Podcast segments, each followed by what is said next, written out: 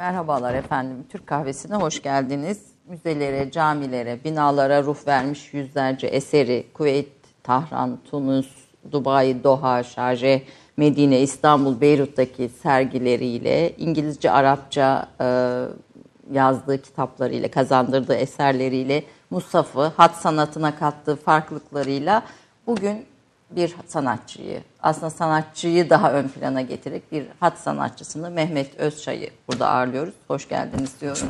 Şimdi böyle hat sanatçısı veya tesip sanatçısı diye ayırdığımızda sanki böyle biraz bölüyoruz gibi geliyor. Çünkü sanatçının bir e, bir bütün kimliği var. Yani ve bunların içinde bunun için modern sanatlar da var bu Tabii kimliğin ki. içinde işin o Tabii tarafı ki. da var. Diğer sanat dalları da var. Hani bunların içinden siz sadece bir tarz bir yol seçiyorsunuz ve o, o da kendi e, kimliğiniz haline evet, geliyor. Elbette. Evet. E, o yüzden böyle sanatçı e, demeyi daha doğru buluyorum. Yani her seferinde bir evet. hattat, bir hat sanatçısı demek istemiyorum. Hattat haklısınız. Türkiye'ye değer katan evet, isimlerden birisiniz. E, ve gerçekten e, eğer bu sanat geleceğe e, kalacaksa e, burada sizin katkılarınız, sizin emeğiniz, sizin getirdiğiniz yeniliklerin de payı büyük olacak diyorum. Şeref verdiniz her şeyden önce. Olmayın, ben de teşekkür ederim. Önce kahveyle başlayalım. Hattatların kahvesi nasıl olur efendim? Kahveyi çok sevmeme rağmen mide probleminden dolayı içemiyorum. Eskiden içerdim, keyifle de içerdim. Orta şekerliyi severdim ben. Ama şimdi maalesef içemiyorsunuz. Biz dekor olarak o zaman Türk kahvesini sizin önünüzde e, kokusu güzel ama. Kokusu güzel. Kokusu ama böyle hani hattatların hayat hikayelerinde var mıdır kahveyle ilgili hiç hafızanızda Ben gelen? hatırlamıyorum. Belki vardır ama ben hatırlamıyorum. Tabii biz eski nesilden olmadığımız için o kadar fazla detayları bilemiyoruz maalesef. Belki Uğur hocamız olsaydı o konuda bir şey derdi Evet size. Uğur, Uğur hocadan doğru evet bu, bu konuda e, bir daha de, derin bilgi alalım o zaman. İnşallah. Bir başka zaman inşallah tekrar konuk ederek. İnşallah. Ee, şimdi önce Mehmet Özçay kimdir?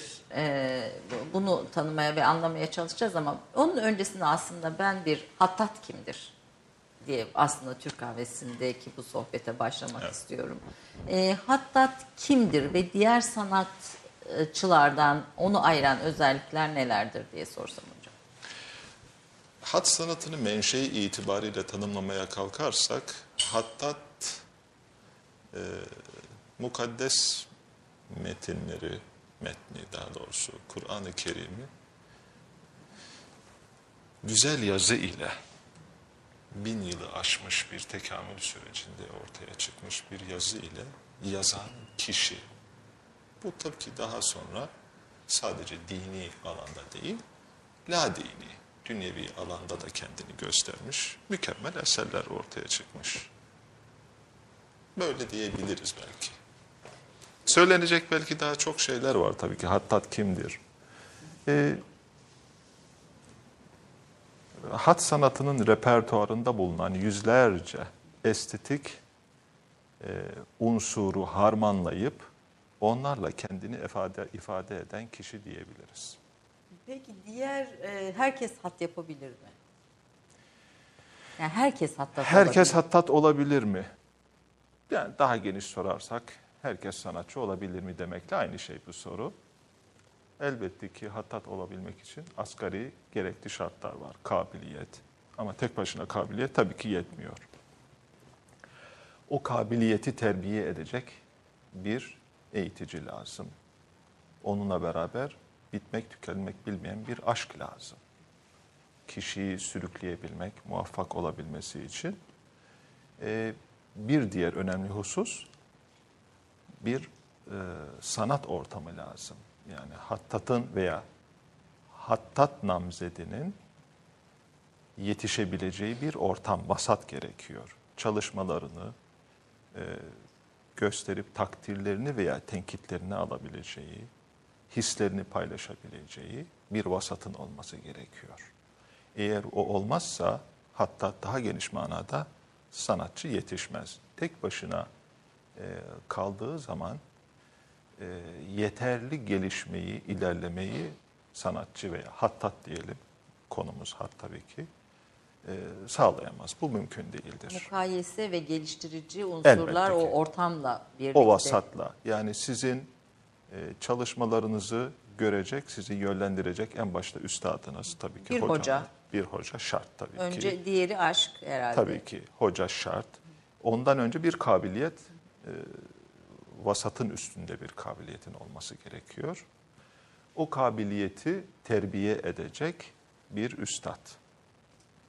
E, namzette bulunacak bir aşk lazım. Hani aşk olmadan meşk, Meşk olmaz. olmaz, evet. Diyorlar ki bu evet. tabii ki bu e, öyle rastgele söylenmiş bir söz değildir. Şarttır. E, bir de sanatçının yaptığı çalışmaları takdir, tenkit edecek bir vasat. Yani eğer sanatçı yaptığı çalışmaların karşılığını göremezse motivasyon olmaz. Kendisini motive edemez. Güzel bir şey ortaya çıkardığı zaman da onu takdir edecek. E, daha e, ileri ifadeyle satın alacak. İşte müşterisi olmaz ise olmaz. Gelişmesi sınırlı kalır.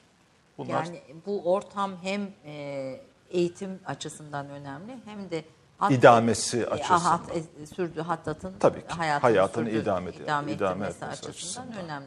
Ve bu ortamın e, kitaya uğradığı, kesildiği zamanlar olmuş. Onu bi- biraz ilerleyen zamanlarda konuşmak istiyorum. E, siz hattat olmaya nasıl karar verdiniz ve hayat çizginizde sizin Evet. e, ne diyelim e, size yön verenler kimler oldu? Evet.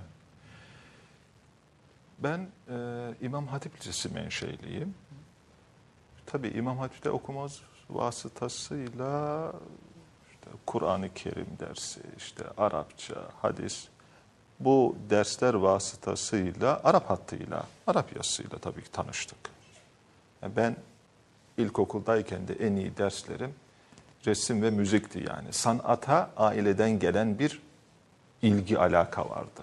Çok severdim yani yaptığım şeylere özenmeyi, kendimce böyle e, çok şeyler yapardım. Bu, bu arada Murat Bardakçı'dan dün öğrendiğim bir bilgiyle babanız da sanatçı, sanatkar imiş e, galiba. Trabzon sanatlarında. Evet. E, Trabzon bu tesbihlerin e, Kamçısı. kamçısını Kazaziye, evet, kazazlık sanatı, babam o sanatı ihya eden kişidir. Sanat kabiliyeti ailemizden geliyor. Rahmetli amcam çok iyi bir sanatkardı, çok iyi bir ustaydı, marangoz ustasıydı, demir ustasıydı. İlkokul mezunuydu ama yazısı çok güzeldi. Latin harfleriyle mektupları hala durur. Bir kısmını ben saklarım. Çok güzel yazısı vardı. Hatta e, hayıflanırdım ben rahmetli amcama. Zayi olmuş bir kabiliyettir diye. Keşke o kabiliyet işte İstanbul'a gelebilseydi de e, imkan bulabilseydi e, çok önemli bir sanatçıyı kazanmış olurduk ama işte nasip meselesi diyelim. Yani sanat kabiliyeti aileden geliyor. Babam sanatkar, dedem öyleydi yine. E, Diğer amcam da sanatkardı. Sanat kabiliyeti oradan geliyor.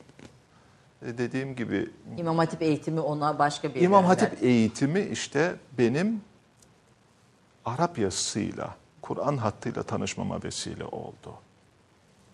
Ye- 1979'da sıra arkadaşım bir gün e, Mahmut Bedrettin Yazır'ın Kalem Güzeli adlı eserini getirmişti. Onu hiç unutmuyorum. O zaman ilk iki çık, cildi çıkmıştı. 72 ve 74. Ben 79'da tabii gördüm. Oradaki hatları gördüğüm zaman beni büyüledi, hiç unutmuyorum. Ve onları kendimce taklit etmeye çalıştım.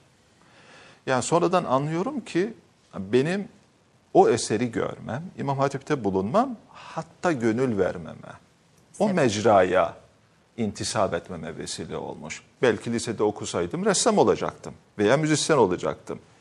Neticede kabiliyetler Tesadüf. bir şekilde tezahür etmek ister yani. O mecrada veya bu mecrada. Nerede hangi mecrayı bulursa orada gelişiyor. Ee, biz tanıtımda da kullandık. Kalem güzelinde e, bir satır, bir cümle, oradaki bir cümlenin sizi çok etkilediğini söylüyorsunuz. Evet. Ee, Hangi cümleydi ben şimdi hatırlayamadım. hemen efendim şey yapalım. Bu Mahmut Bedreddin Yazır'ın Evet. şeyde e, Sultanahmet Camii'nde bir yabancı misafiri gezdirirken söyledik, söylediği şey mi acaba? Ee, ben tabii böyle bir ne diyelim hafızam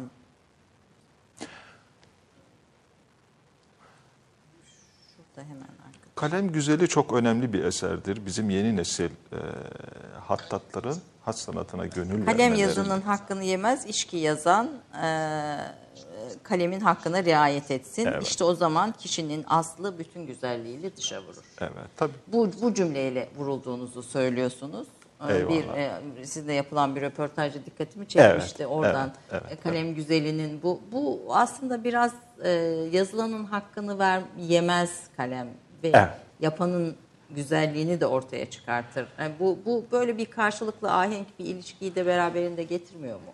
Şimdi e, bir defa tabii e, yazı ile e, hattatın arasında manevi bir ilişki oluyor. Yani o siz içinizdeki e, hissiyatınızı, o bedi zevkınızı yazı ile dışa vuruyorsunuz. Bir de ki ben e, meşgul olduğum, ilk meşgul olduğum yıllarda mukaddes metinlerle meşgul olmanın getirdiği ayrıca bir maneviyat oluyor. Yani şöyle diyeyim, bir ibadet telakkisi ile yapıyorsunuz. Orada tabii fevkalade bir manevi haz da duyuyorsunuz. Öyle bir tatmin tarafı var. Yani sadece mücerret bir sanat icra etmiyor hattat. Aslında ruhunu da terbiye ediyor. Ruhunu da terbiye ediyor. Orada sabrı öğreniyor. Ee,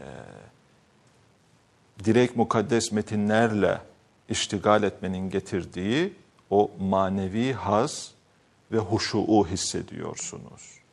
Bunun hususi tezahürleri oluyor ve sizi etkiliyor. Zaten hat sanatının eğitim geleneğinde de bu ahla, hattın bir ahlakı var, bir geleneği var. Şimdi diyelim ki eğer eskiler buna çok dikkat ederlermiş mesela. Talebesinde mesela eğer e, o ahlaka uygun olmadığı şeyler görürse mesela talebesini pek kabul etmez mesela. Ona karşı daha nazlı davranır. Onun terbiye olmasını ister. E, mesela hatırlıyorum yine önemli üstadlardan bir tanesi e, galiba Fuat Şemsi İnan olması gerekir. Bir gün mesela e, hocasına derse gittiğinde hocası kabul etmiyor. Neden? E, abdest alması gerekiyormuş mesela. Sonradan bir daha yine aynı hal maruz hale maruz kalmış mesela. Tekrar gittiğinde yine aynı şekilde Geri gönderiyor. geri gönderiyor. Ona manevi olarak o, o hissetmiş hocası onun o halini. Yani böyle bir hassasiyetler var yani. Has sanatının eğitiminde, geleneğinde. Şimdi kendi e, hikayenizi anlatırsan İmam Hatip'te Arapça yazısı ve aileden gelen bir yetenekten söz ettiniz. E, ilk tanıdığınız ve Kalem Güzeli kitabı sizin için bir şey. Rehber oldu. Bir rehber oldu. Evet. E, ilk e, dizinin dibine oturttuğunuz, oturduğunuz hattat kimdi diye sorsam. Ben tabii bu kalem güzelini tanıdığımda neticede bir taşra şehri olan Gerede'deydim. Herhangi bir sanat ortamından bahsetmek imkansızdı. Takdir edersiniz küçük bir ilçe neticesinde. Oradaki yazıları taklit ettiniz hep herhalde. Ben oradaki yazıları oradan öğrenebildiğim kadarıyla taklit etmeye çalıştım. Ama ne kadar taklit edersiniz? Heyhat yani. Daha sonra 1982'de ki o zaman Erzurum'dayım. Ee, Erzurum İslami İlimler Fakültesi o zaman. Ben bir idealist olarak e, Erzurum'a İslami. İlimler Fakültesine gittim. Ee, Üniversite imtihanında ilk tercihim Ankara İlahiyat Fakültesiydi. İkincisi Erzurum İslam İlimler Fakültesiydi. Niyetim akademisyen olmak. Yani e, İlahiyat alanında ilerlemek. Evet yani evet. İlahiyat. Sanatkarlık yok. Yok. Ha, o, çünkü öyle bir ümit yok o zaman. O zamanın Türkiye'sinde de yok. o zamanın Türkiye'sinde ümit verecek bir şey yok bu alanda yani. Sadece hususi bir aşk, merak benimki. Bir de bir gün kendim dolma kalemin ağzını kesiyorum mesela böyle. Onlarla yazmaya çalışıyorum. Osmanlıca dersimize gelen bir hocamız vardı. Allah e, selamet versin, sağ ise uzun ömürler versin kendisine. Arif Yıldırım Bey yazımı gördü. Dedi yazın gayet güzel dedi. Bir hocadan ders alıyor musun dedi. Hayır hocam nereden kim? E, meşk alsana ders alsana dedi. E kimden alacağım hocam dedim. E burada Fuat Bey var dedi bak işte meşk veriyor. Git ona selamımı söyle git ondan ders al dedi. Tabii o benim için çok Yol açmış. çok sıra dışı bir şeydi. Büyük bir heyecandı. Hemen tabii ben gittim hocama. Ee, kendimi tanıttım. Böyle böyle. O da sağ olsun kabul etti. Fuat Başar hocam. Fuat Başar. Huzur Kıraathanesi. o bir tarihi mekan olarak diyorsunuz. Evet orada işte e, insanlar e, satranç oynuyorlar. sigara- Tavla oynuyorlar, tavla sigara, oynuyorlar, çay, işte kahve. duman her tarafı kaplamış falan. Ama ben tabii benim için önemli değil. Hocayı bulmuşum, gökte aradığımı yerde bulmuşum adeta. Sağ olsun kabul etti. Ve o şekilde meşk etmeye başladım 1982. 82. Şimdi bir kısa bir özgeçmişinizi vereceğim ama onun öncesinde bu sanatı yaparken benliği bir kenara bırakmalı diyor Fuat Hoca. Doğru diyor. Ee, Yani aslında oradaki bu benlik nasıl bir şey? Yani bir tarafıyla kendinizi taşıyorsunuz, yeteneğinizi taşıyorsunuz, bilginizi, birikiminizi taşıyorsunuz ama bıraktığınız ne? Gurur ve kibiri bırakacaksınız. Değil mi? Böyle Tevazu. iki. Evet budur. Budur başka bir şey Bu- değil. Yani bütün güzelliklerin şimdi tabii bu buraya İslam ahlakı devreye giriyor. Hani e, Kur'an'da bir ayet-i kerimede bahsediyor. Ma asabeke min hasenetin feminallah. Sana isabet eden gelen bir iyilik Allah'tandır. Ama sana bir kötülük geliyorsa o da sendendir. Yani bir şeyi vücuda getirmek, yaratma tabiri mesela kullanılıyor. Bunu ben tabii ki kabul, pek e, hoş karşılamıyorum.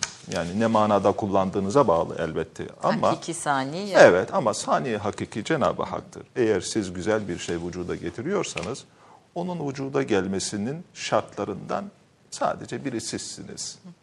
Yoksa bütün şartları aslında halk eden Cenab-ı Hak tabii ki. Yani bu tevazu ve mahviyette olmak Burada buradaki kastedilen. kasıt. bu- Elbette. budur. Yani ona siz tesahüp edemezsiniz.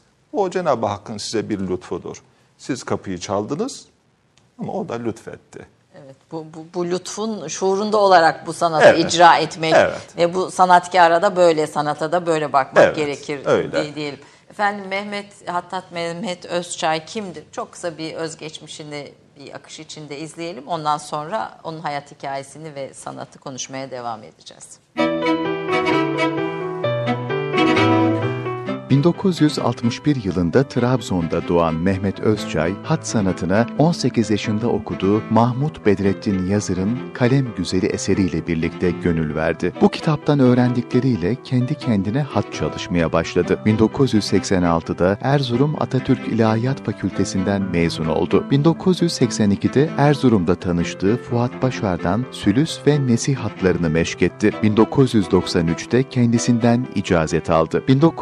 1986'da geldiği İstanbul'da Uğur Derman'la tanıştı. Bu tanışmayla başlayan hoca-talebe münasebeti onun hat zevkinin ve ufkunun genişlemesine vesile oldu. İslam Tarihi Sanat Kültür ve Araştırma Merkezi'nin milletler arası hat yarışmalarında başta sülüs nezih dalında birincilik olmak üzere muhtelif dallarda 6 ödül kazandı. Akçay oluşturduğu hat ekibiyle beraber 2 yıllık bir çalışmayla 2015'te tamamladığı Kral Abdullah Mekke Haremi Şerif Genişletme Projesi'nin hatlarını yazdı. 2018'de kendisine Süleyman Demirel Üniversitesi tarafından Fahri Doktora unvanı verildi. Özçay aynı yıl Cumhurbaşkanlığı Kültür ve Sanat Politikaları Kurulu üyeliğine atandı. 40 yılı bulan hat yolculuğunda eserleri, geliştirdiği yeni teknikler ve pek çok ülkede kazandığı ödüllerle Türkiye'ye değer katan isimlerden biri oldu. Milletler arası birçok hat yarışmasında jüri üyeliği ve danışmanlığı devam eden Özçay, yurt içi ve yurt dışında birçok sergiye iştirak ediyor. Seyahat etmeyi, tabiatı müşahede etmeyi seven ve amatör olarak fotoğraf sanatıyla da ilgilenen Mehmet Özçay'ın yurt içi ve yurt dışındaki muhtelif müze, koleksiyon ve camilerde Celi Sülüs, Sülüs, Nesih, İcaze ve Celi Divani hat nevileriyle yazdığı yüzlerce eseri bulunuyor. Özgeçmişinizi de izlerken işte Kuveyt, Tahran, Tunus, Tokyo birbirinden bambaşka ruh hali olan şehirler ve siz bu sanatı o şehirlerde e, sergilediniz. Evet. E, Göt, eserlerinizi göt. Nasıldı ilgi? O insanların bakışı nasıldı? Yani bu sadece böyle İslam coğrafyasıyla sınırlı bir e, sanat mı yoksa dünyaya açılabilecek bir e, yolu kapısı var mı? Kabiliyeti var, var mı? Ee, şöyle söyleyeyim. 1998'de benim, daha doğrusu 96 idi ilk yurt dışı e, sergiye katılmam. Kuveyt'ti.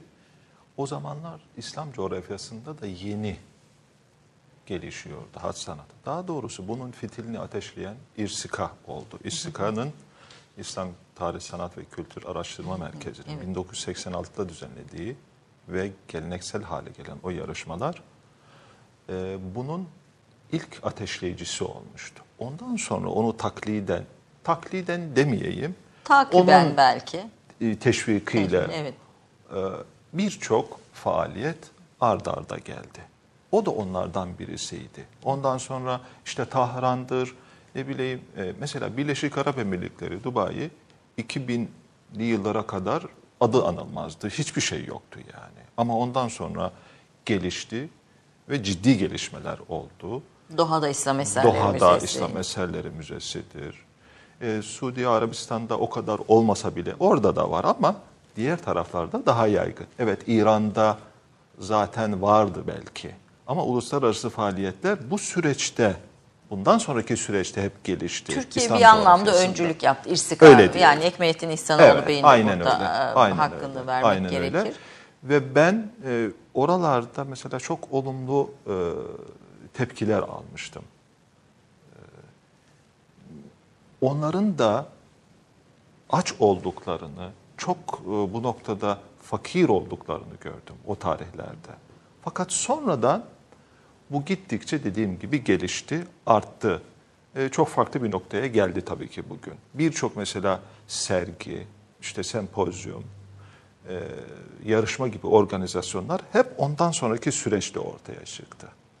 İşte Ben mesela British Museum'da bir çalışma atölyesi görmüştüm. Bir Pakistanlı hattat ekip, işte bir İranlı sanatçılar filan birlikte işte hat e, yapıyorlardı. Fakat tabii daha modernize edilmiş. Doğrudur. Ve hani bizim bildiğimiz klasik, Klasik değil, değil. evet. Yani British Museum'u bile hani bunun taşınmasını önemli tabii bir ki. faaliyet olarak e, Ama bunlar hep dediğim gibi ondan sonraki süreçte ortaya çıkan şeyler. Daha sonra işte işte 2000'li yıllarda bilhassa müzayedelerde daha fazla artık alınır satılır olmaya başlandı. Eski hat eserleri, yeni hat eserleri e, bunlar hep bu süreçte ortaya çıkan e, gelişmeler. Ee, şimdi bir de tabii e, program ilerleyen bölümlerde de konuşacağız ama işin bir e, Cumhuriyet tarihi içindeki yeri var. Bir 80 sonrası bu saydığınız gelişmelerle birlikte bu sanatın yeniden e, üzerindeki küllerinden yeniden ortaya çıkışı ve güçlenmesi var ki Türkiye burada çok önemli bir önderlik yapmış durumda. Bir de e, yeni e, muhafazakarlar, yeni zenginler ve e, her yere e, işte Allah lafzı şerifini, peygamber lafzı şerifini yazan e, levhalar asan bir şey var. E, bir jenerasyon ve bir Evet. ekip de var. Şimdi bu sonu sorayım. Bir reklam arasına gideceğim. Ondan sonra öbürüne gideyim. E, her yere e, bu, bu levhaları asmak gerekir mi? Yani her yere Allah yazısı, Muhammed yazısı asmak. E, bu, bu, bu hat sanatına bir resimmiş gibi hani duvarı kapatacak, süsleyecek bir resimmiş gibi bakmak ne kadar doğru? Efendim bizde malum tabii e, Cumhuriyet'le beraber bir reddi miras oldu.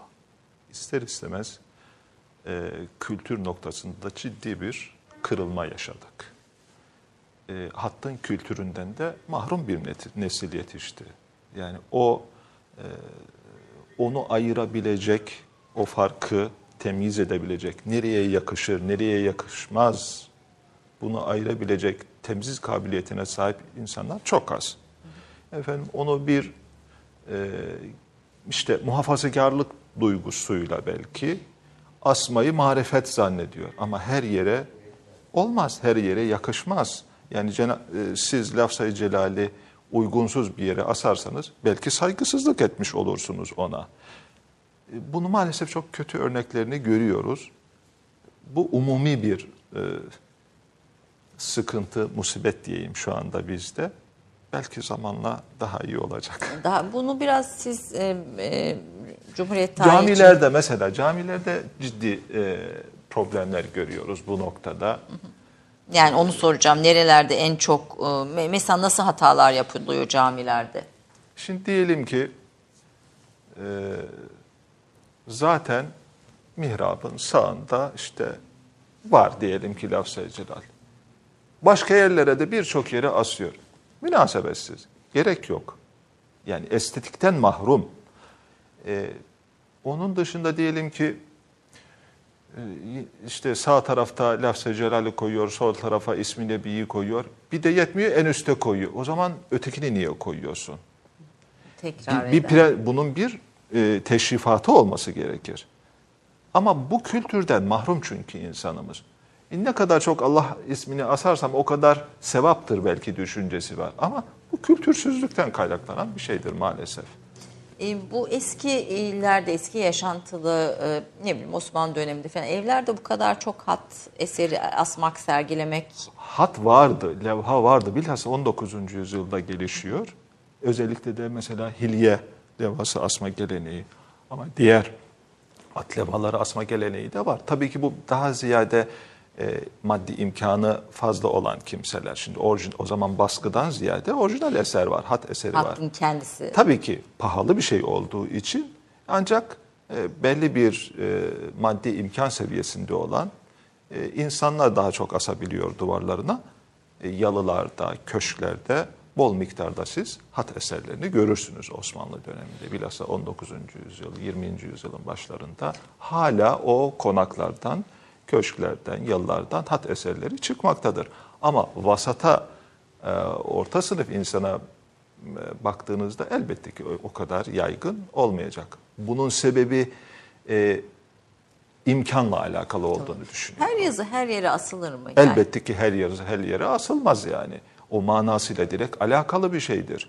E, diyelim ki misafir odasına asacağınız, salona asacağınız yazıyla efendim bir e, oturma odasına asacağınız yazı ayrı şeydir. Bunlara eskiler dikkat ederlermiş. Bilhassa mesela divan edebiyatından çok güzel beyitler yazılır, e, uygun olan yerlere asılır.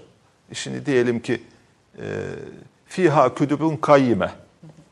E bunu kütüphaneye asmış gerçi. Hani oradaki kütübün kayyime kitap Ya, kitap, manasında evet. değil ama Osmanlı geleneği de bu kitapla özdeşleştirilmiş ve kütüphanelere asılmış. Hatta kütüphanenin kapısına da asılmıştır. E, mana ile mekanın ilgisine dikkat edilmiş. bunda bir Osmanlı döneminde. özdeşlik sağlanmış. Hani bir Tabii resim e, gibi böyle Sadece bir, bir... resim olarak bakılmamıştır. O bir kültürü temsil ediyor. E, orada bir mana var. O mana ile irtibat kuruluyor tabii ki. illaki. E, içerik de en Muhteva, az tabii sanatın kendisi, Tabii yazının ki. kendi güzelliği kadar Tabii önemli. ki, tabii Efendim ki. kısa bir reklam arası. Reklam arasından sonra bu güzel söyleşiye devam edeceğiz. Bir dakika reklam arası.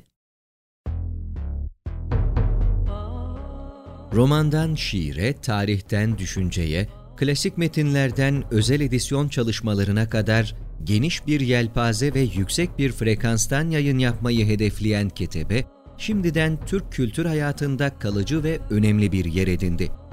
Edebiyatımızın seçkin eserlerine, genç kalemlere, tarihimizin engin zenginliğine, dünya edebiyatının hem güncel hem de klasik metinlerine, düşünce dünyamızın, maneviyat tarihimizin köşe taşlarına ve gün yüzüne çıkmamış değerlerine ev sahipliği yapmak, Ketebe'nin yayın politikalarının omurgasını oluşturuyor. Dünya standartlarında bir yayıncılık anlayışı ve deneyimli kadrosuyla yola çıkan Ketebe yayınları, kitaba, kağıda ve söze hürmet eden bir medeniyetin parçası olarak her şey geçer, yazı kalır diyor. Reklam arası sona erdi. Kahvesinde e, Türkiye'ye değer katan isimlerden birisi Hattat Mehmet Özçay'ı ağırlıyoruz. E, ve kaldığımız yerden önceki bölümden devam edelim. Aslında sadece hat sanatını değil, e, hat sanatıyla birlikte hayatımızdaki birçok unsuru da konuşuyoruz. Hem kendimizi konuşuyoruz hem toplumsal değişimi de konuşuyoruz. E, o, o nedenle çok başlıklı bir söyleşi oluyor diye bir giriş yapayım. E, ilk Mustafa Musaf yazdınız 1992 aslında erken devirler diyelim E, çünkü Cumhuriyet tarihi içinde bir kesintiye uğruyor hat sanatı. Evet. E, isterseniz o kesintiyi de biraz kısaca hat sanatını nasıl etkiledi bu kesinti? Ne yaşadı Cumhuriyet hattatları? Çok kısa ona da bir değinelim. Oradan ilk Musaf'ınıza gelelim. Pekala. Ee, tabii harf inkılabıyla 1928'deki harf inkılabıyla e, hat sanatı artık fiilen tamamen e, kesilmiş, sona ermiş gibi. Yani ciddi bir inkıta yaşıyor. Ciddi bir travma diyelim ki. E, büyük üstadlar var o dönemde. İşte Tuğrakeş İsmail Hakkı Bey, işte Mustafa Halim Özyazıcı, Hulusi Efendi, işte Macit Bey, Hacı Macit Kamil Aycan, Aktik, evet. işte Hamit Aytaç, e, Necmettin Okyay gibi büyük üstadlar var. Hasan Rıza var efendim. Bunlar işsiz kalıyor yani. Yani bunlar daha önceki dönemde Medresetül Hattat. Hat Medresetül Hattat'in hocaları işi- bu. evet, hocaları. İşleri Hoca- bu. işleri İşte bu. Elbette bazılarının hani Divan-ı Hümayun'da Hakkı Bey gibi mesela görevleri var. Ama tabii e, yönetim değişince oradaki görevi de bitiyor. İşi de biliyor. Hatta kendisi işte bir görev talep talebinde bulunduğu zaman sizin işinizin muadili bizde yok. İşte tekaüdünüzü isteyiniz deniyor kendisine. E, böyle acı hikayeler var. Ancak bazıları işte Necmettin Okyay gibi işte babadan kalma işte Üsküdar Yeni Valide Camii'ndeki e, imamet görevi sayesinde belki e, idame edebildi ve onun yanında da sanatını belki devam ettirebildi. Ama mesela Mustafa Halim işte Tepe Bağı'nda bağcılık yaptı diyelim ki. Türbedar olan var. İşte Hulusi Efendi türbedarlık yapmak zorunda kaldı. Hacı Kamil Efendi, Aziz Efendi gibiler Mısır'a gitmek, Mısır'a, Bağdat'a, oralara gitmek zorunda kaldılar. Ee, ciddi bir çöküş yaşandı. Bu tabii e, onların moral açısından da çok büyük bir çöküntüleri oldu. Hatta ben Uğur Hoca'dan naklen söylüyorum. Necmettin Hoca öyle dermiş. Hattat olduğumuzu söylemeye korktuğumuz yıllardır dermiş mesela. Böyle bir travma yaşandı. E böyle olunca da tabii ki yeni neslin hatta ilgisi dolayısıyla kalmıyor. Hatta birçok bir yerde de hat yazılarının söküldüğü, tahrip edildiği bir dönem. Onun- yani sadece hattatların Tabii ki bu kalması genel bir genel, genel bir, ruh, ruh e, hali. evet E, işte malum Cebri Kalfa Mektebi'nin kitabesi o zaman işte kazınmaya başlamış yani hala ibret nişanesi olarak orada durur. Ciddi bir e, travma yaşıyor o zaman. Sonra ne, nasıl tekrar Nasıl, evet. köprü oluyor? Yani bugüne nasıl geliyor? Elbette e, işte Necmettin Okyay, işte onun e, etrafındaki halka, diğer üstadları çok az sayıda Hattat yetiştiriyorlar. hatta çok az sayıda bunlar. Onlar geleneğin kopmamasına, kendi, tamamen kendi şahsi gayret ve alakalarıyla bu devam ediyor. Diyelim ki Hamid Aytaç, Hasan Çelebi orada yetişiyor. e, tabii daha sonra Hasan Çelebi diyelim ki Hamid Aytaç e, Cağaloğlu'nda işte matbaacılık, klişecilik yaparak hayatını idame ediyor. Onunla beraber de mesela e, az sayıdaki hat meraklısı gence hat dersi veriyor. Mütevazi ofisinde işte e, yazıhanesinde diyeyim. Onlardan işte bugün hayatta olan önemli hattatlarımızın çoğu Hamid Aytaç'ın talebesidir. O o şekilde devam ediyor. İşte bir başka koldan Necmettin Efendi, onun talebesi Üstad Uğur Derman hocamız. İşte rahmetli Ali Alparslan Hoca yine tabii Necmettin Efendi'nin talebesiydi.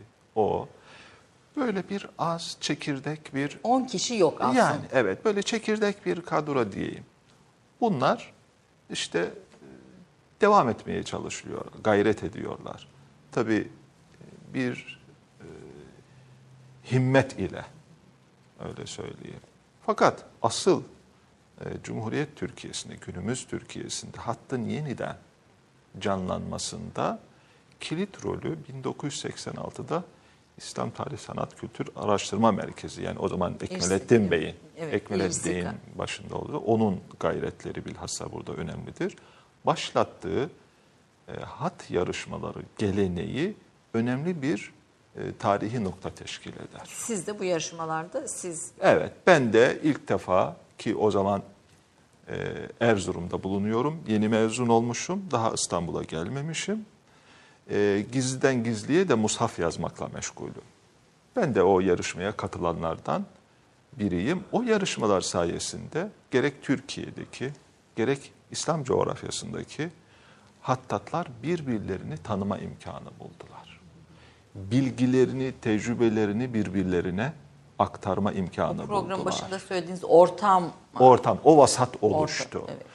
O yarışmalar sayesinde yarışmacılar, hattatlar hattın kaynaklarını, sırlarını araştırmaya ve keşfetmeye çalıştılar. O çok şeyler kattı bize. Bir motivasyon oldu, bir rekabet ortamı oluştu. O sayede yeni kabiliyetler keşfedildi.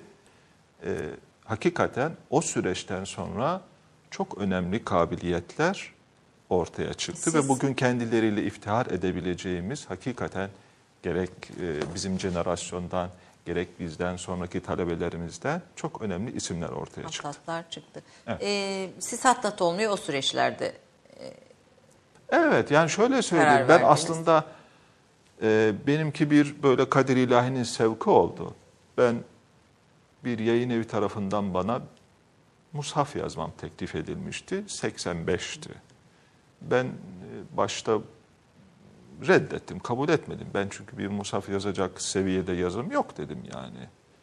Fakat karşı taraf çok ısrarlıydı. İşte mutlaka istiyoruz. Sonra gelişir yazın. Ve o ısrarı kıramadım. İyi ki de ısrar etmişler. Ben o sayede bilhassa nesil hattımı geliştirme ve öğrenme imkanı Tabii Kur'an-ı. Kerim'de o kadar. Bu Yasin de sizin hattınız efendim Evet, değil mi? Şurada evet. masada arkadaşlarımız gösterirse e, Evet. inci gibi. Teşekkür E, ederim. yani böyle Teşekkür hani ederim. diye diyecek Eksik laf bulamıyorum. Bir yazının, hat yazısının güzelliğini yani mukayese imkanı olarak ne ortaya çıkartır? E, yani şimdi bi- biz baktığımızda bir yazı sonuçta işte Bismillahirrahmanirrahim yani bir sürü şeyde. Orada güzelliği, farkı ortaya çıkartan ne? Bu biraz tecrübe ve e, birikim gerektirir. Yani bu yazı hangi yazı güzeldir, hangisi değildir diyebilmek biraz altyapı gerektirir. Elbette ki herkese güzel gelen tarafı vardır güzel yazının. E, bazı yazılar var ki herkes de onun güzel olmadığını anlayabilir. Ama e, bir yazının gerçekten güzelliğini veya kötülüğünü, güzelliğinin derecesini anlayabilmek için o hattın e, altyapısına, kültürüne, eğitimine ihtiyaç Yani vardır. biz e, yani bir Zor. Zor. Yani sadece göze hitap etmiyor diyorsunuz. Kalbe Tabii ve ki, gönüle de evet. hitap eder e, diyorsunuz bir yazı. Evet. Hani orada e, bizi çelen diyelim, e, ca- cazip, Ee, cezbeden tarafı ne oluyor? Şöyle söyleyeyim, yazıdaki ahengi oluşturan şudur. Tabii ahenk olduğu zaman yazıda o güzeldir. Ama o ahengi neler oluşturuyor? O güzelliği oluşturan unsurlar nelerdir?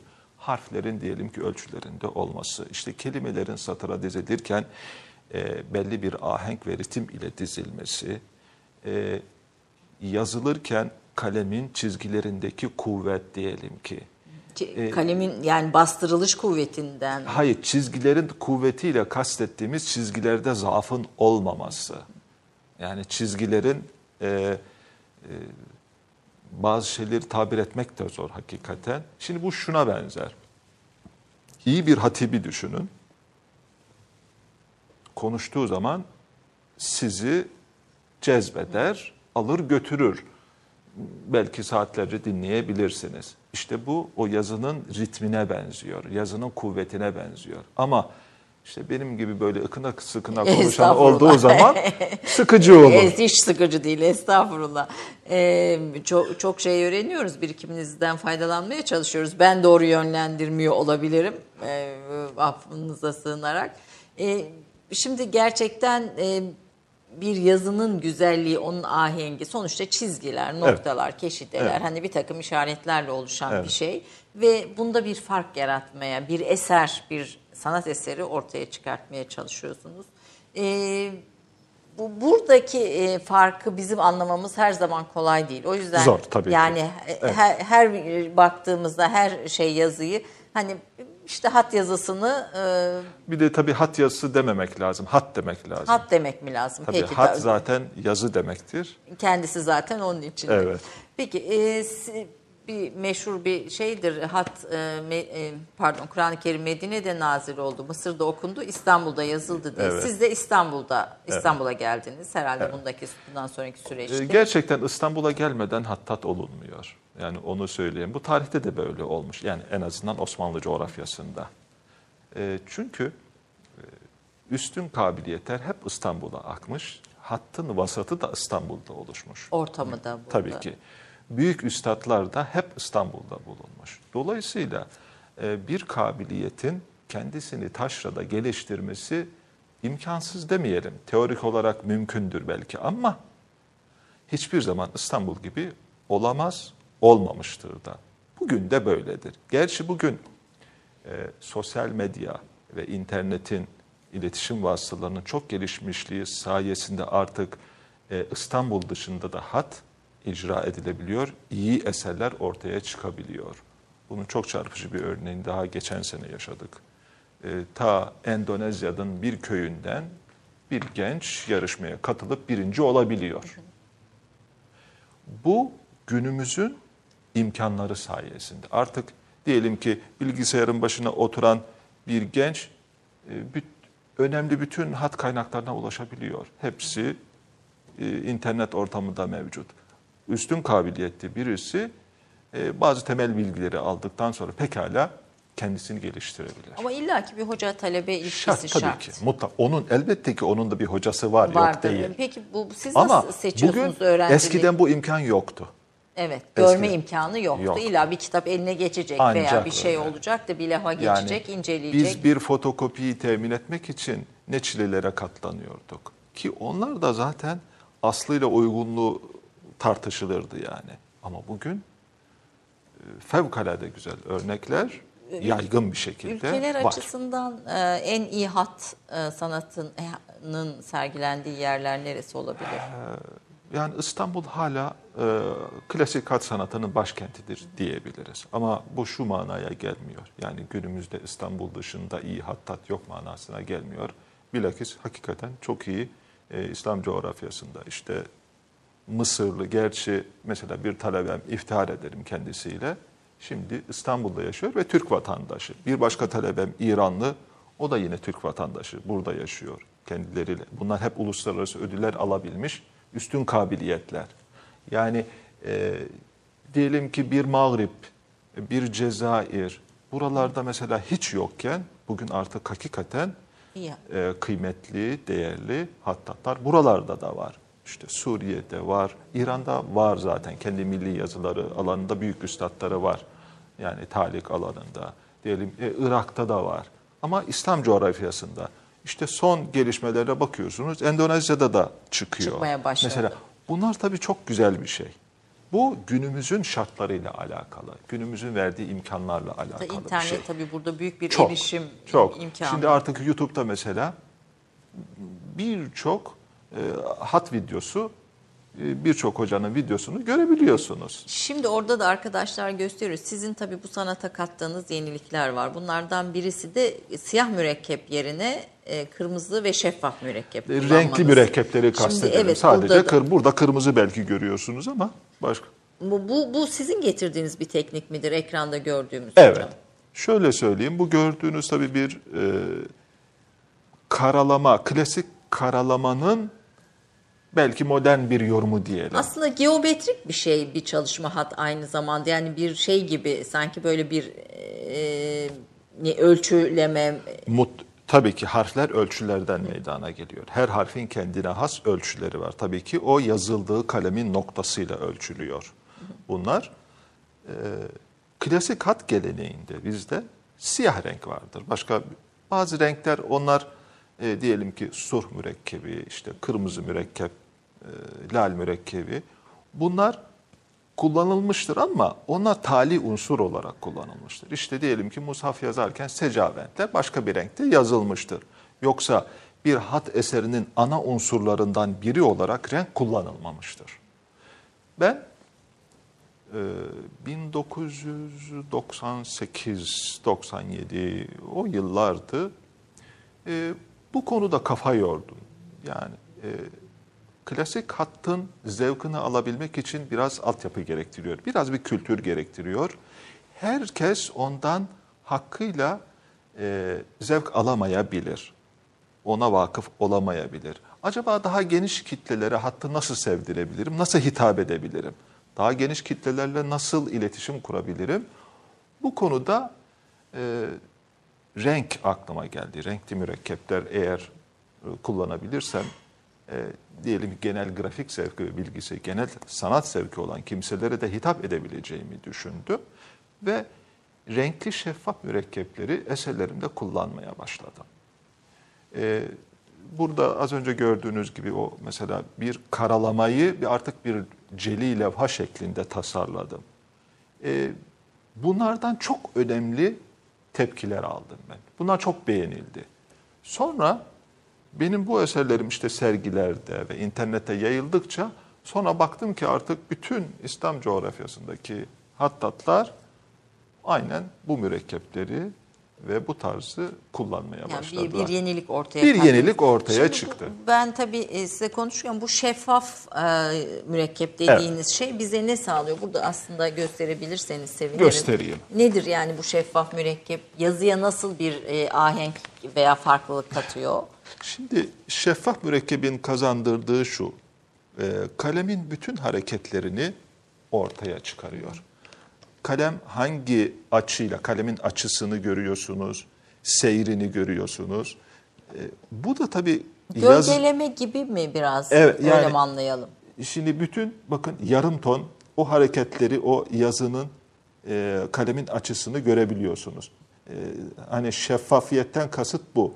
Eğer siyah olsaydı şu gölgeleme gölgeleme diyemeyeceğim ona ama o e, yazının sırlarını, detaylarını meydana çıkarıyor. Kalemi hangi açıda tutmuşuz, nasıl gidiyor? Adeta yazının sesini duyuyorsunuz, kalemin sesini duyuyorsunuz. Bu da yazıya yeni bir boyut kazandırıyor. Ee, Bunu çok olumlu e, tesir ve tepkilerini aldım.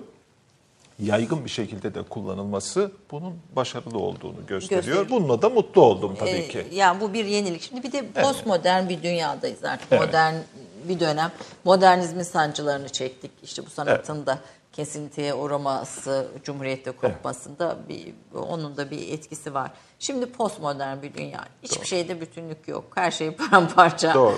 Ve ama var. Var. Ama gerçek ve bu dünyanın gerçeği de bu. Evet. Bu sanat böyle bir e, postmodern dünyanın içinde nasıl var olacak, nasıl kendini koruyacak, geliştirecek? Bizde eğer e, harf inkılabı olmasaydı, geleneğimiz kesintiye uğramasaydı, bugün has sanatı çok farklı noktalarda olacaktı.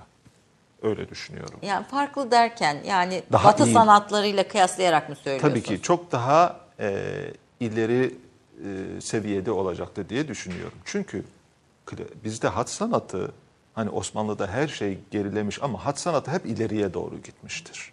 Mesela e, Celi Sülüs levha geleneği 19. yüzyılda asıl başlıyor mesela. Harfler mükemmel seviyeye gelmiş ama yeterli sayıda şaheser istifler vücuda getirilemeden var şaheser istifler ama bunlar az.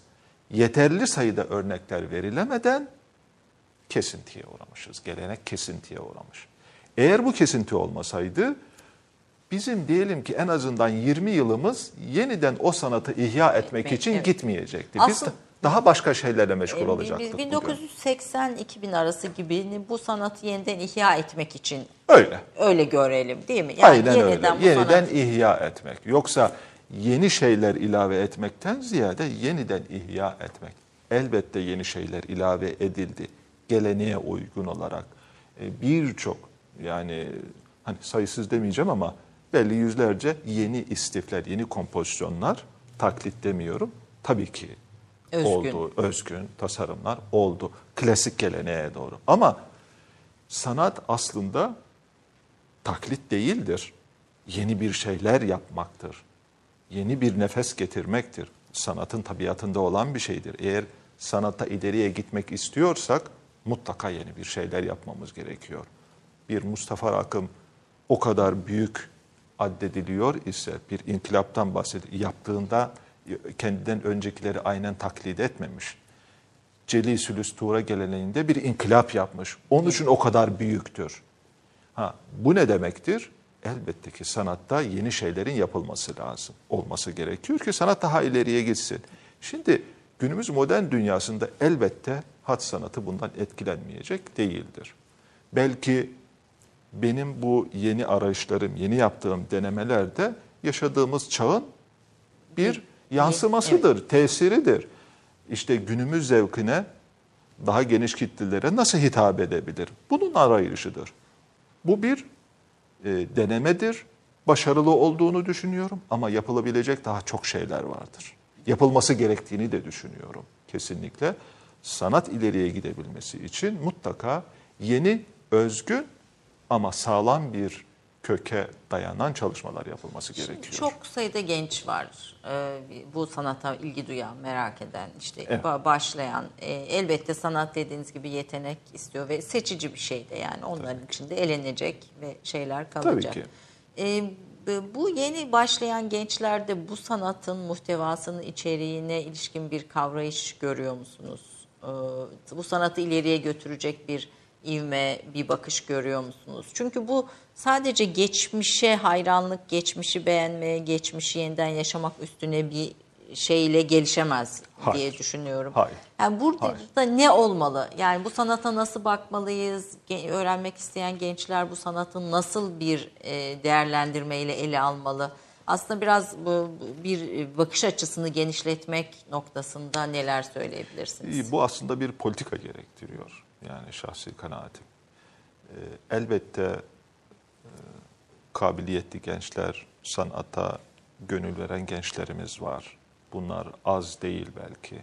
Fakat sanatın ileriye, hat sanatının daha ileri düzeylere gidebilmesi, dünya sanatları arasında yerini alabilmesi, e, dünyada çok daha geniş kitlelere hitap edebilmesi için bizim e, sanatını dünya ölçekte, dünya ölçekte, dünyevi ölçekte, uluslararası ölçekte temsil kabiliyetine haiz, donanımlı, üstün kabiliyetli gençlere, o gençleri bu sanata kazanmaya ihtiyacımız var. Yani sadece e, klasik hat eğitimi alarak e, bunu yapamayız.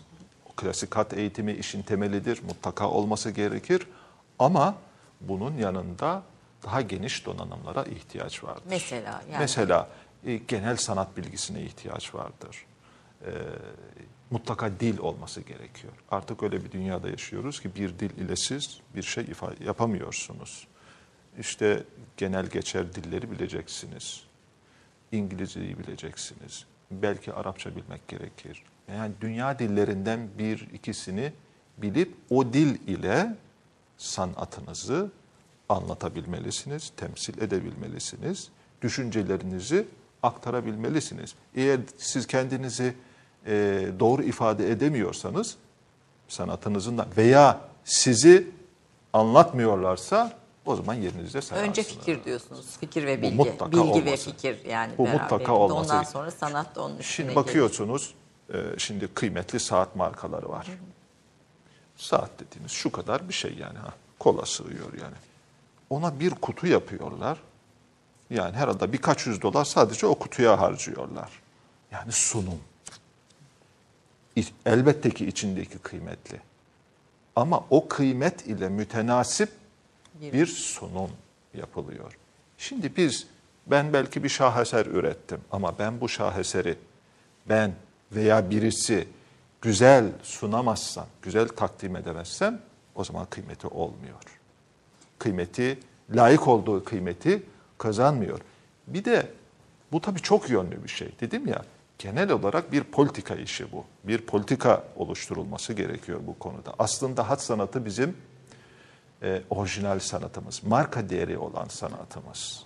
Hakikaten çünkü bunun en büyük üstadlarını biz yetiştirmişiz. Bizim tarihimizde yetişmiş bunlar. O halde bunun bizim için bir fırsat olduğunu bilmemiz lazım.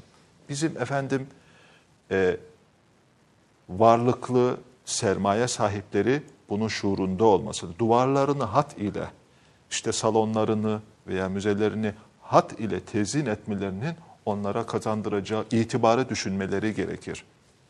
Devlet politikası olarak da bunun desteklenmesi gerekir tabii ki. Çünkü bunun bize katacağı katma değeri yüksek olacak. Eğer biz o kabiliyetleri kazanabilirsek bu sanata ve onları yetiştirebilirsek bu ülkemizin e, tanıtımına da Yani bu sanatı geliştirmek sadece hattatı yetiştirmek değil diyorsunuz. Hayır. Onu satın alacak yani on, aslında işin bir Hayır. ticari kısmı o var. işin bir tabii ki ticari tabii ki. kısmı var. Onu satın alacak kişiler, Tabii ki. koleksiyonerler. bu Tabii bir ki. zincir ve tabii, Tabii ki. dışarıya da bunu sunacak, yurt Elbette. dışına ve de Elbette. bunu sunacak bir başka tanıtım. Yani 3-4 ayaklı bir iş. Tek Tabii başına var. bu iş gelişmez hayır, diyorsunuz. Hayır, birçok ayağı var. Birçok ayağı. Mesela bizde maalesef henüz menajerlik müessesesi gelişmiş değil bu sanatlarda. Yani diyelim ki hattatlar kendi kişisel ilişkileriyle eserlerini pazarlamaya çalışıyorlar. Ama işin profesyoneli bu böyle değildir. Ee, bir menajerle olması gereken, diyelim ki bizim galerilerimizin olması gerekiyor. Hakikaten profesyonel, işin ehli, sanat galerilerini... Var mı hat üzerine yoğunlaşmış? Hat üzerine maalesef maalesef böyle bir galerimiz yok. E, Belki resim için var ama hat için bu yok. E, bu uzun zamandan beri de beni rencide eden bir durumdur maalesef. Bir reklam aramız daha var. Ondan sonra son bölümümüz, üçüncü bölümümüzde devam edeceğiz. Kısa bir reklam arası. Bir dakika reklam arası. Romandan şiire, tarihten düşünceye, klasik metinlerden özel edisyon çalışmalarına kadar geniş bir yelpaze ve yüksek bir frekanstan yayın yapmayı hedefleyen Ketebe, şimdiden Türk kültür hayatında kalıcı ve önemli bir yer edindi. Edebiyatımızın seçkin eserlerine, genç kalemlere, tarihimizin engin zenginliğine, dünya edebiyatının hem güncel hem de klasik metinlerine, düşünce dünyamızın, maneviyat tarihimizin köşe taşlarına ve gün yüzüne çıkmamış değerlerine ev sahipliği yapmak, Ketebe'nin yayın politikalarının omurgasını oluşturuyor. Dünya standartlarında bir yayıncılık anlayışı ve deneyimli kadrosuyla yola çıkan Ketebe yayınları, kitaba, kağıda ve söze hürmet eden bir medeniyetin parçası olarak her şey geçer, yazı kalır diyor. Reklam arası sona erdi. Efendim Türk kahvesinde Hattat Mehmet Özçay ile birlikteyiz. Bir sanatı geliştiren muhitidir, çevresidir, ortamıdır ve aslında o yeni çağa, yeni döneme adaptasyonudur diyebilir miyiz? Yani adaptasyon Tabii demeyelim de uyum sağlaması. Yani çağın günün şartlarına göre sanatını geliştirmek, e, güncellemek gerekiyor güncellemek gerekiyor. 2000'den sonra dediniz hat sanatında koleksiyonerlerin sayısı artmaya başladı. Biz Doğru. reklam arasında da sohbet ederken. Doğru. Ee, ki kimler var koleksiyonerlerin arasında ve koleksiyonun önemi ne? Yani bu sanatın gelişmesinde biz, Biz bizde e, yani e, Sakıp Bey ile gelişen bir süreç diyelim. İlk önemli koleksiyon tabii ondan önce de var hususi koleksiyonlar. İşte Şevket Rado koleksiyonu vardı ki en kıymetli koleksiyondu Evet, evet. önceden. Sonradan dağıldı tabii bu müzayedelerde belki hatırlarsınız. Ama Sakıp Bey tabii e, tarihe geçmiş bir isim bu noktada. E, koleksiyonunu e, yurt dışında çok önemli merkezlerde sergilemişti. E, sonradan işte malum şu anda müze olan evini bağışlaması büyük fedakarlık yaptı. O bakımdan çok takdire şayandır Sakıp Bey'in yaptığı. Ona vesile olanları da takdir etmek lazım. Rafi Bey gibi falan. Bu önemli bir e, başlangıçtı. E, yine vefat eden Erdoğan Demirören'in çok kıymetli bir hat koleksiyonu olduğunu biliyorum. Tabii başka isimler de var bu arada. Mesela isim vermek nasıl olur bilmiyorum. yok yani sonuçta bilinen koleksiyonerler hani Evet, gizli bir şey. Ceng- Cengiz Çetin Doğan Bey'in çok kıymetli bir hat koleksiyonu Sabancı var. ailesinden. evet, Sabancı ailesinden çok güzel. Ee, yine genç koleksiyonculardan işte Zeki Cemal Özen'i burada zikretmem gerekir. Hakikaten Burada yani e, hat toplayamak, o koleksiyoner sıfatına ait olmak için mesela e, hangi özellikler ortaya çıkması gerekiyor? Tabii gönül istiyor ki hat koleksiyonunu yapan o hattın kültürüne vakıf olsun. Bizzat kendisi e, belli bir seviyede o yazıdan anlasın. E, onun tarihi e, altyapısına sahip olsun, bilsin. E, mutlaka hattı alan, biriktiren bu insanların e, belli bir düzeyde bu konuda bir e, bilgileri vardır tabii ki ama daha çok haklı olarak da danışmanlarıyla hareket ediyorlar. Öyle de olmak zorunda Yani zaten. bir koleksiyonda kaç eser e, vardır mesela? Yüzlerce. Yüzlerce. Tabii ki yani koleksiyona koleksiyon demek için e, yüzlerce olması lazım hakkıyla bir koleksiyon olması için. Çünkü bunun çok e, alanı var. Levhalar var, mushaflar var, murakkalar var, kıtalar var, e, başka kitaplar var, e, hat malzemeleri var. Yani öyle e, zengin bir alan ve hakikaten e, bir tadını alınca da çok keyif veren bir şey. Yurt dışında var mı at koleksiyonları? Tabii çok önemli bazı koleksiyonlar var. Ee, kendilerini tanıdığım işte e, Birleşik Arap Emirlikleri'nde, başka yerlerde önemli koleksiyoncular var tabii ki. Hatta bunların bazıları belki e, şu anda e, İslam coğrafyasındaki en önemli koleksiyoncular diyebilirim yani. Ya, en eski hat levhası kaç yılına dayanıyor bu koleksiyonerlerin elinde? Levha olarak e, 17. yüzyıla kadar gidebilir ama kitap türü olarak tabii çok, Çok eskiye gidiyor. eskilere. Parşömenler işte Hicri 2. yüzyıllara kadar gidiyor. Bayağı eski ki bunlar müzayedelerde bilhassa Londra müzayedelerinde e, görünüyor ve o şekilde de e, alıcı Şimdi buluyor. marifet iltifata tabi, tabi elbette. Bir de bu sanatın yurt dışında batı e, ne diyelim galerileri, işte batı sanat e, camiası içinde yankısı, aksi veya karşılığı var.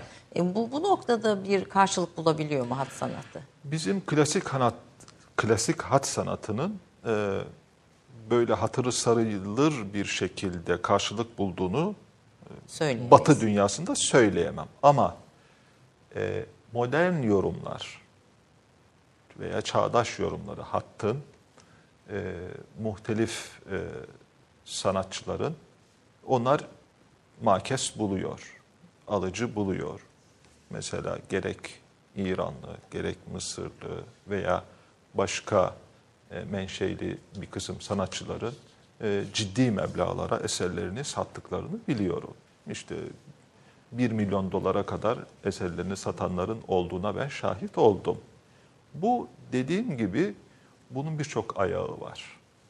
Ee, tek başına olmuyor. Yani sadece sanatçıyla bu tek başına olmuyor. Bunun bir tanıtımının, işte menajerliğinin olması gerekiyor. Galerisini belki. Galerisi. Bir, hatta bu sanatlara özel belki bir galeri kurulabilir. Öyle olması gerekiyor. Yani yurt dışı ile bağlantılı belki Tabii bir ki. e, hani bir, şimdi Türk ticaretini tanıtan bir takım ajanslar vesaire kuruldu. Belki böyle bir sanat ajansı Evet. kurulabilir. bu böyle bir ajansın veya galerinin mutlaka olması gerektiği gibi bunu besleyecek, destekleyecek üstün vasıflı eserlerin de üretilmesi gerekiyor. Yani bunlar birbirini desteklemeli.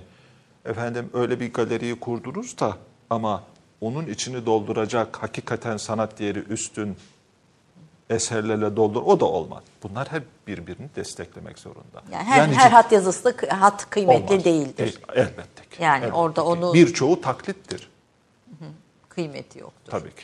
Yani Biz sanatlar arasında elbette bir rekabet vardır. Tabii hat sanatı beraberinde tesip ve başka sanatlarla da birlikte bir bütün ama işte batı sanatları diyelim işte resim, heykel, e, işte çağdaş sanatlar veya daha yeni işte video artlar filan.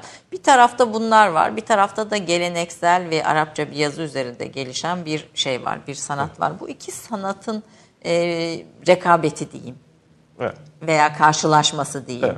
E, ortaya bir sentez çıkartabilir mi? kesinlikle çıkabilir. Hat sanatı bu noktada çok kabiliyetli bir sanattır. Ee, bir defa e, Arap harfleri geometrik değil, organik bir mahiyete sahip. Organik mahiyete sahip olmasının kendisine kazandırdığı fevkalade üstte, üstün bir elastik kabiliyet veriyor. Bu da sayısız e, alternatifleri üretebilme, sayısız kompozisyonları yapabilme kabiliyeti veriyor. O büyük bir şans. Yani o noktada e, dünya yazıları içinde e, Arap hattı en üstün kabiliyete sahip yazıdır desek mübalağa etmiş olmayız zannediyorum. Japonların filan da kaligrafileri Tabii onların da kaligrafileri ama e, sanat kabiliyeti en yüksek yazının e, hat olduğunu söylesem ben mübalağa etmiş olmam zannediyorum. Bu, bu noktada bir bütünleşme, birleşme sa- sağlanabilir. Belki bir Evet, yenileş. Çok e, değişik hakikaten genel manada dünya sanatına, dünya sanat piyasasına hitap edebilecek özgün eserler üretilebilir. Bir yönüyle hat, bir yönüyle resim veya Dijital. çağdaş her şey mümkün. Şimdi diyelim ki video artlar dediniz. Tahayyül ediyorum o kadar güzel şeyler yapılabilir ki bu alanda hatla ilgili ve gerçekten efsunlayıcı, büyüleyici eserler üretilebilir. Ama dediğim gibi bunları yapabilmek için e, onu üretebilecek kabiliyette ve yetkinlikte insanlara, sanatçılara ihtiyacımız var. E, Hattat olmak evet e, önce elbette e, başlıyor yazıyla başlıyor ama sonra yaşadığımız e, çağın da imkanlarını göz önünde bulundurarak geliştirmeye de müsait e, diyorsunuz. Aslında önemli tavsiyeler bunlar. Yani bir, bir e, sanat ajansının bir geleneksel sanatları yaşatacak bir ajansın kurulması da yine aynı şekilde veya böyle Zaten şimdi bir trend var. Bakıyorsunuz tabii çok kötü örnekler de görüyoruz. Gerek tezinat itibarıyla, gerek hat itibarıyla birçok uygulamalar görüyorsunuz. Görüyoruz daha doğrusu. Tabii çok sanat değeri olmayan şeyleri görüyoruz. Aslında bir şey var, bir trend var. Fakat bunun e, ıslahı gerekiyor. Bunun doğru örneklerinin sunulması gerekiyor. Şimdi ben tahayyül ediyorum modern bir mimariyle bir binanın inşa edildiğini, bir ikonik yapıya sahip. Orada dedim ki modern bir şekilde hattın kullanıldığını düşünüyorum. Ne kadar etkileyici olur. Sancak Camii'nde sizin bir hattınız var. Evet. Modern mimari örneği bir cami Evet. örneği olarak. Evet. Ee, mesela çok güzel onun tesirlerinin olduğunu görüyorum. Tabii mutlu oluyorum ama o sadece bir örnek. Yüzlerce sayısız örnekler üretilebilir. Yani çok Şimdi- modern bir forma uygun bir hat e, Çünkü çok çıkabilir. mümkün bu. Çok mümkün. Hatta bunun bazı örneklerini de e, tek tük görmeye başladım. Yani bu kabiliyete sahip çünkü hat. E, ona çünkü bir kimlik kazandı. Böyle bir e, başarılı örnekler bulunduğu mekana kimlik kazandıracak neticede. Evet. Hem günümüz çağdaş zevkine hitap edecek ama bununla beraber köklü bir e, çalışma olacak. Yani bir kimlik kazandıracak. Onun da olması gerekiyor. Yani evet fevkalade modern, güzel binalar yapabilirsiniz. Eğer bir kimliği yoksa nakıs kalır Evet.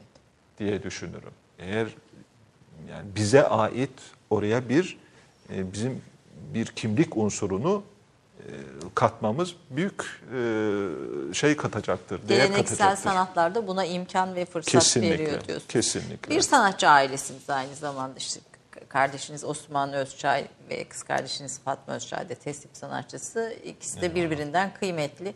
Hanginiz en çok yeteneklisiniz diye sorsam bir aile rekabeti Zor bir soru. Yeteneklerimiz herhalde birbirine yakındır, çok yakındır. Çok yakın. Öyle söyleyeyim. İkisini de çok takdir ediyorum. Hakikaten onlar üstün kabiliyetlerdir. Çok kıymetli eserler. Bir rekabet oluyor mu arada? Yani hani Fatma Hanım da kız kardeşi olduğu için biraz sıyırabilir aradan. Ama o Osman Bey ile yaşlarınız da yakın.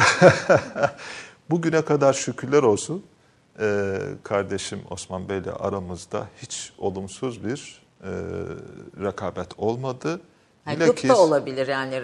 Bilakis şu oldu, e, bizim daha kısa zamanda ilerlememizin en önemli sebeplerinden birisi e, iki kardeş olup birbirimizin e, nakısalarını, noksanlarını tamamlama e, noktasında epey birbirimize yardımımız olmuştur. Zor beğenir misiniz? Kesinlikle çok müşkil pesendim, o doğru. Ha, Yani, Yani, gözüm böyle hani kusur görmeye odaklı. Eserimin önce hep kusurlarını görmeye çalışırım. Bunun kötü yansımaları da oluyor. Tabii normal hayatta da gayri ihtiyari kusur görmeye başlıyorsunuz. Bu tabii bazen olumsuz şeyler olabiliyor. olabiliyor diyor. E, yoruyor tabii bir de. Ruhen beni de yoruyor. O beğenmediğim bir şey işte basit bir şey icabında. Hiç ilgilenmemek gerekiyor belki ama yapı. İşte o işte şöyle durması lazım da yok böyle durması lazım. Eğri durmaması lazım. Düzgün durması lazım. Hayatınıza artık girmiş. e, Hay, hay, zorlaştırıyor o zaman Evet. ister istemez. Üretimi de tabii azaltıyor ister istemez. e, Kendinizi bütün bu üretim safhasında elbette işte musiki, edebiyat bir sürü alanla da ilgileniyorsundur. Var mıdır böyle özel? Musikiyi severim. Yani klasik musikten özellikle hoşlanırım. Ee, mesela bir Münir Nureddin'i dinlemekten keyif alırım. Tabii başka sanat. Özellikle bazı e, musiki eserleri beni çok etkiler. Bir Hüzzam, bir Hüseyini makam beni etkiler. Hicaz efendim. E, fotoğraf çekmeyi severim, seyahat etmeyi severim. Bilhassa e, tabiatta bulunduğum anlar en mutlu anlarımdır diyebilirim. Bir doğa sever olarak. Evet, yani iyi bir çevreciyim, öyle söyleyeyim. E, o, okur musunuz roman, edebiyat Ee, ilginiz var mı? Fırsatım oldukça okumaya çalışırım. Tabii eser üretmekten ne kadar vakit bulabilirsem. Günde kaç saat çalışıyorsunuz? Valla zamanım belli olmaz. Bazen gece yarılarına kadar çalışırım. Sabahladığım e, geceler çoktur yani eskiden. Şimdi artık e, tabii yaş ilerlemeye başladı. Tabii ki o kadar yapamıyorum artık. Tahammül edemiyorum, yoruluyorum tabii Bu ki. sanata ara verilebilir mi? Mesela hiç çalışmadığınız zaman oluyor Tabii mu? ki çalışmadığım zamanlar oluyor ama şu bir gerçek ki ne kadar ara verirseniz eliniz o kadar soğur. Cerrahlık gibi bu da. Hayır, hiç. bir şeyi yoktur yani affı yoktur. Ha yeniden elinizin o kıvama gelmesi için belli bir süre temrin yapmak Bir, zorundasınız. bir eliniz tabii el yeteneği önemli bir de kalp tabii kalp e, Evet. kalbinizi beslemek için e, ona ona nasıl bir bakım uyguluyorsunuz? Kalbi beslemek devamlı efendim o güzel eserlerle her zaman haşır neşir oluyorum. Onlar beni besliyor. E, Böyle gider misiniz bir eserin peşine bulmaya e, böyle merakınız? Tabii ki. Bir e, mesela bir ha- hatıramı anlatayım size. E, 2005 yanlış hatırlamıyorsam şimdi e, büyük üstadlarımızdan Neyzen Emin Efendi vardır. E, hayranıyım diyelim ki. Kendine has çok latif bir üslubu vardır Sülüs'te, Celil Sülüs'te. Onun bir yazısı var. Dört satırlık e, sülüsle. Ben onu Celi Sülüs zannediyordum. Bunun aslının nerede olduğunu biz bilmiyorduk. Uğur Derman Hoca Kalem Güzeli'nin üçüncü cildinde bunu bir fotoğraftan neşretmişti. Yazının tavır ve üslubundan onun büyükçe bir yazı olduğunu zannederdim. Hatta ben hayranlığımdan dolayı o yazıyı takliden de yazdım diyelim ki. Ama tasihi bitmemişti, öyle dururdu. Bir gün bir esnaf arkadaş bana bir fotoğraf gösterdi. Dedi böyle böyle bir yerde bir Gördüm. yazı var. Buna ne dersin? İşte ebadı şu.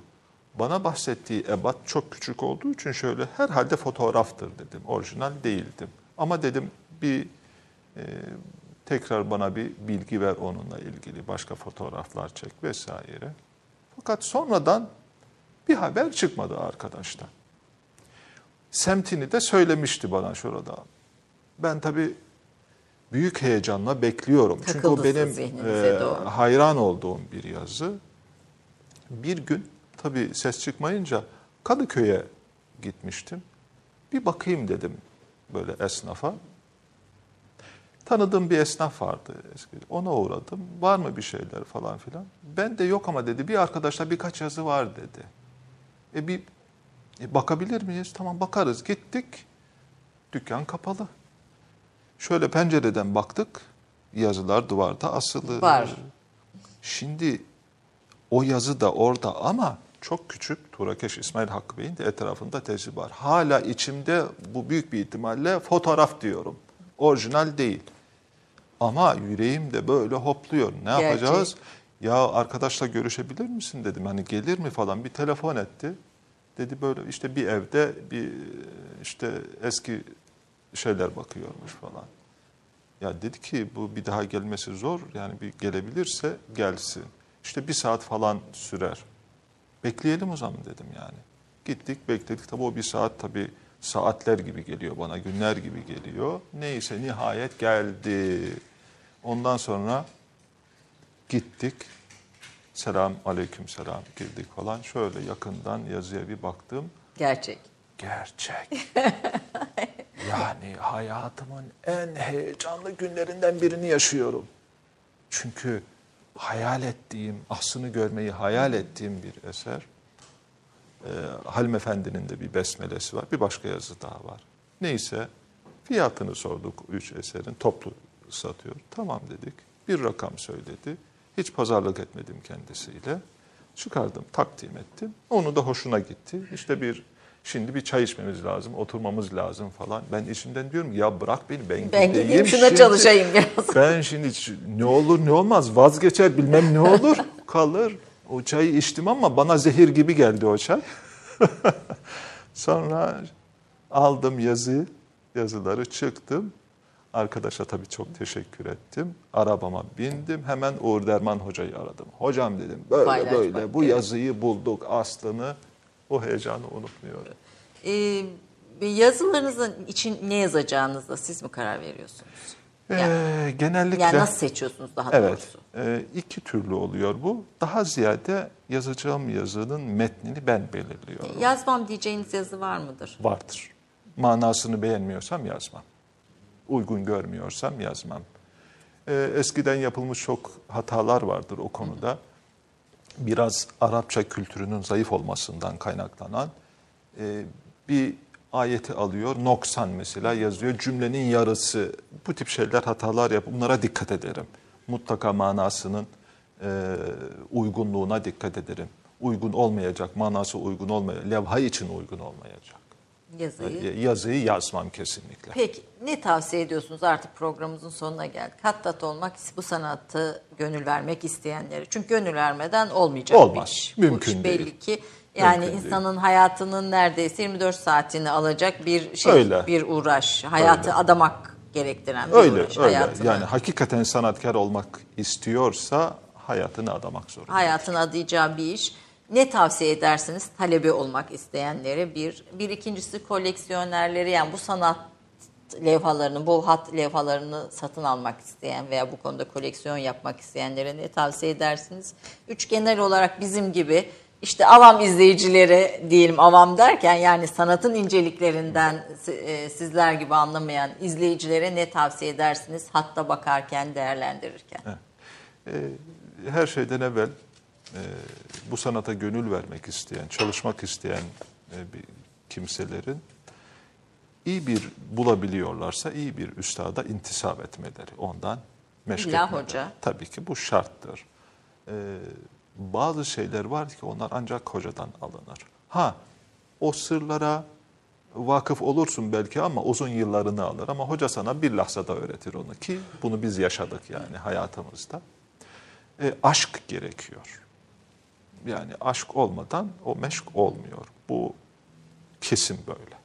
Eğer aşkı yoksa evet belli bir seviyeye kadar öğrenir ama onun ilerisine Hevesi kadar öğrenir. o diyorsun. kadar Evet. geçemez. Bu mümkün değildir ve sabır gerekiyor. Koleksiyoncularımızın mutlaka bir danışmanının olması gerekir. İyi bir danışmanının olması gerekir ki doğru yönlendirilsin, doğru eserler az. Onlar keyif alabilirler, lezzet alabilirler ama iyi eserden de keyif alabilir, iyi olmayan eserden de keyif alabilir. Eğer iyi olmayan eseri alırsa sanat değeri zayıf olan şeyleri desteklemiş olur. Destek yanlış yere gider. Doğru alanı, doğru eserleri, doğru sanatçıları desteklersek sanat ileriye gider. Efendim sanat üretmeyen birisini desteklerseniz sanata iyilik etmiş olmazsınız. Ama diğer taraftan üstün bir kabiliyet var. Hakikaten desteklenmesi gerekiyor. O zaman ona destek olmamız gerekir. O zaman sanat ileriye gider. Genel efendim İzleyicilere. izleyicilere de şunu tavsiye ederim. Bir defa duvarlarımızı hatlarla süsleyelim. Bizim evlerimizde bizim kültürümüzün, kimliğimizin önemli bir unsuru olan bu sanatın eserlerini duvarlarımızda görelim. Duvarlarımızı bunlarla süsleyelim. Çocuklarımız hafızasına bu eserler yerleşsin. Onu okuyamasa bile o güzelliğin hafızasına işlemesi ileride ona kimliğine önemli şeyler katacaktır. Elbette ki yapabiliyorsa da bunun biraz e, bunun hakkında kitap okusun. Birkaç albüm alsın. Onları keyifle çevirsin, baksın burada ne yazıyor, ne diyor.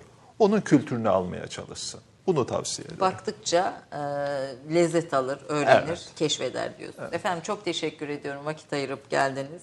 Ben de çok teşekkür ediyorum. faydalanmaya Eksik gayret ol- ettik. eksik Böyle olmayın. e, bir, bir buçuk saat ilk başta e, çok hızlı geçiyor ve hani bir eksik kalan sorum veya açamadığım konu varsa da affınıza E, sığınıyorum. Estağfurullah biz de. sürçülisan, et, lis- sürçülisan ettiksek affola. Estağfurullah. Efendim bir Türk kahvesinde değerli bir konuğumu ve bir sanatın iç dünyasını anlamaya çalıştık. E, haftaya bir başka programda görüşmek üzere. Hoşçakalın diyorum.